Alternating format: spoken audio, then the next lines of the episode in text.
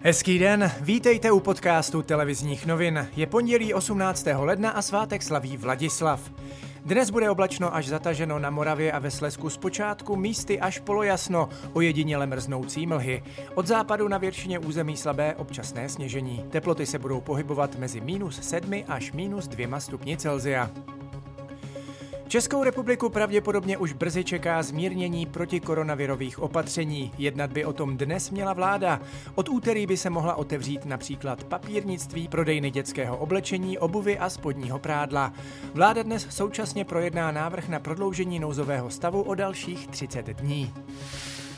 Do očkování proti COVID-19 by se v budoucnu mohly zapojit i lékárny. Funguje to tak například ve Velké Británii, Francii nebo v Norsku. České zákony ale vakcinaci v lékárnách prozatím neumožňují. Skepticky se k ní staví i premiér Andrej Babiš. Samozřejmě pro ty lékárny by to znamenalo komplikace, je to dobrovolné a pan prezident Krebs ani neuměl říct, jestli o to bude zájem u lékáren nebo nebude. Právě prezident České lékárnické komory Aleš Krebs to vidí jinak.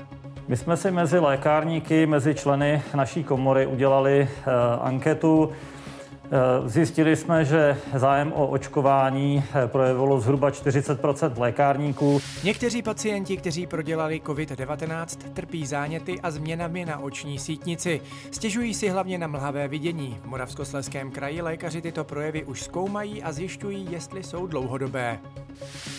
Dvojnásobnou vraždu vyšetřují od neděle kriminalisté u Horního Slavkova v Karlovarském kraji. Motivem byla zřejmě odhalená nevěra. Česká zbrojovka vyjednává o získání 100% podílu v americké společnosti Colt. Ta je předním světovým výrobcem střelných zbraní známých především z filmových westernů. Konečné rozhodnutí o obchodu by mělo padnout do konce ledna. Ceny nemovitostí v Česku rostou dvakrát rychleji než v Evropské unii jako celku. Kupujících však paradoxně neubývá. Podle realitních makléřů lidé do bytů investují v naději, že jejich cena poroste a kupující na tom vydělají. Ruský opoziční předák Alexej Navalny byl bezprostředně po svém včerejším návratu do Ruska přímo na letišti zatčen za údajné porušení podmíněného trestu. Hrozí mu až 3,5 roku vězení.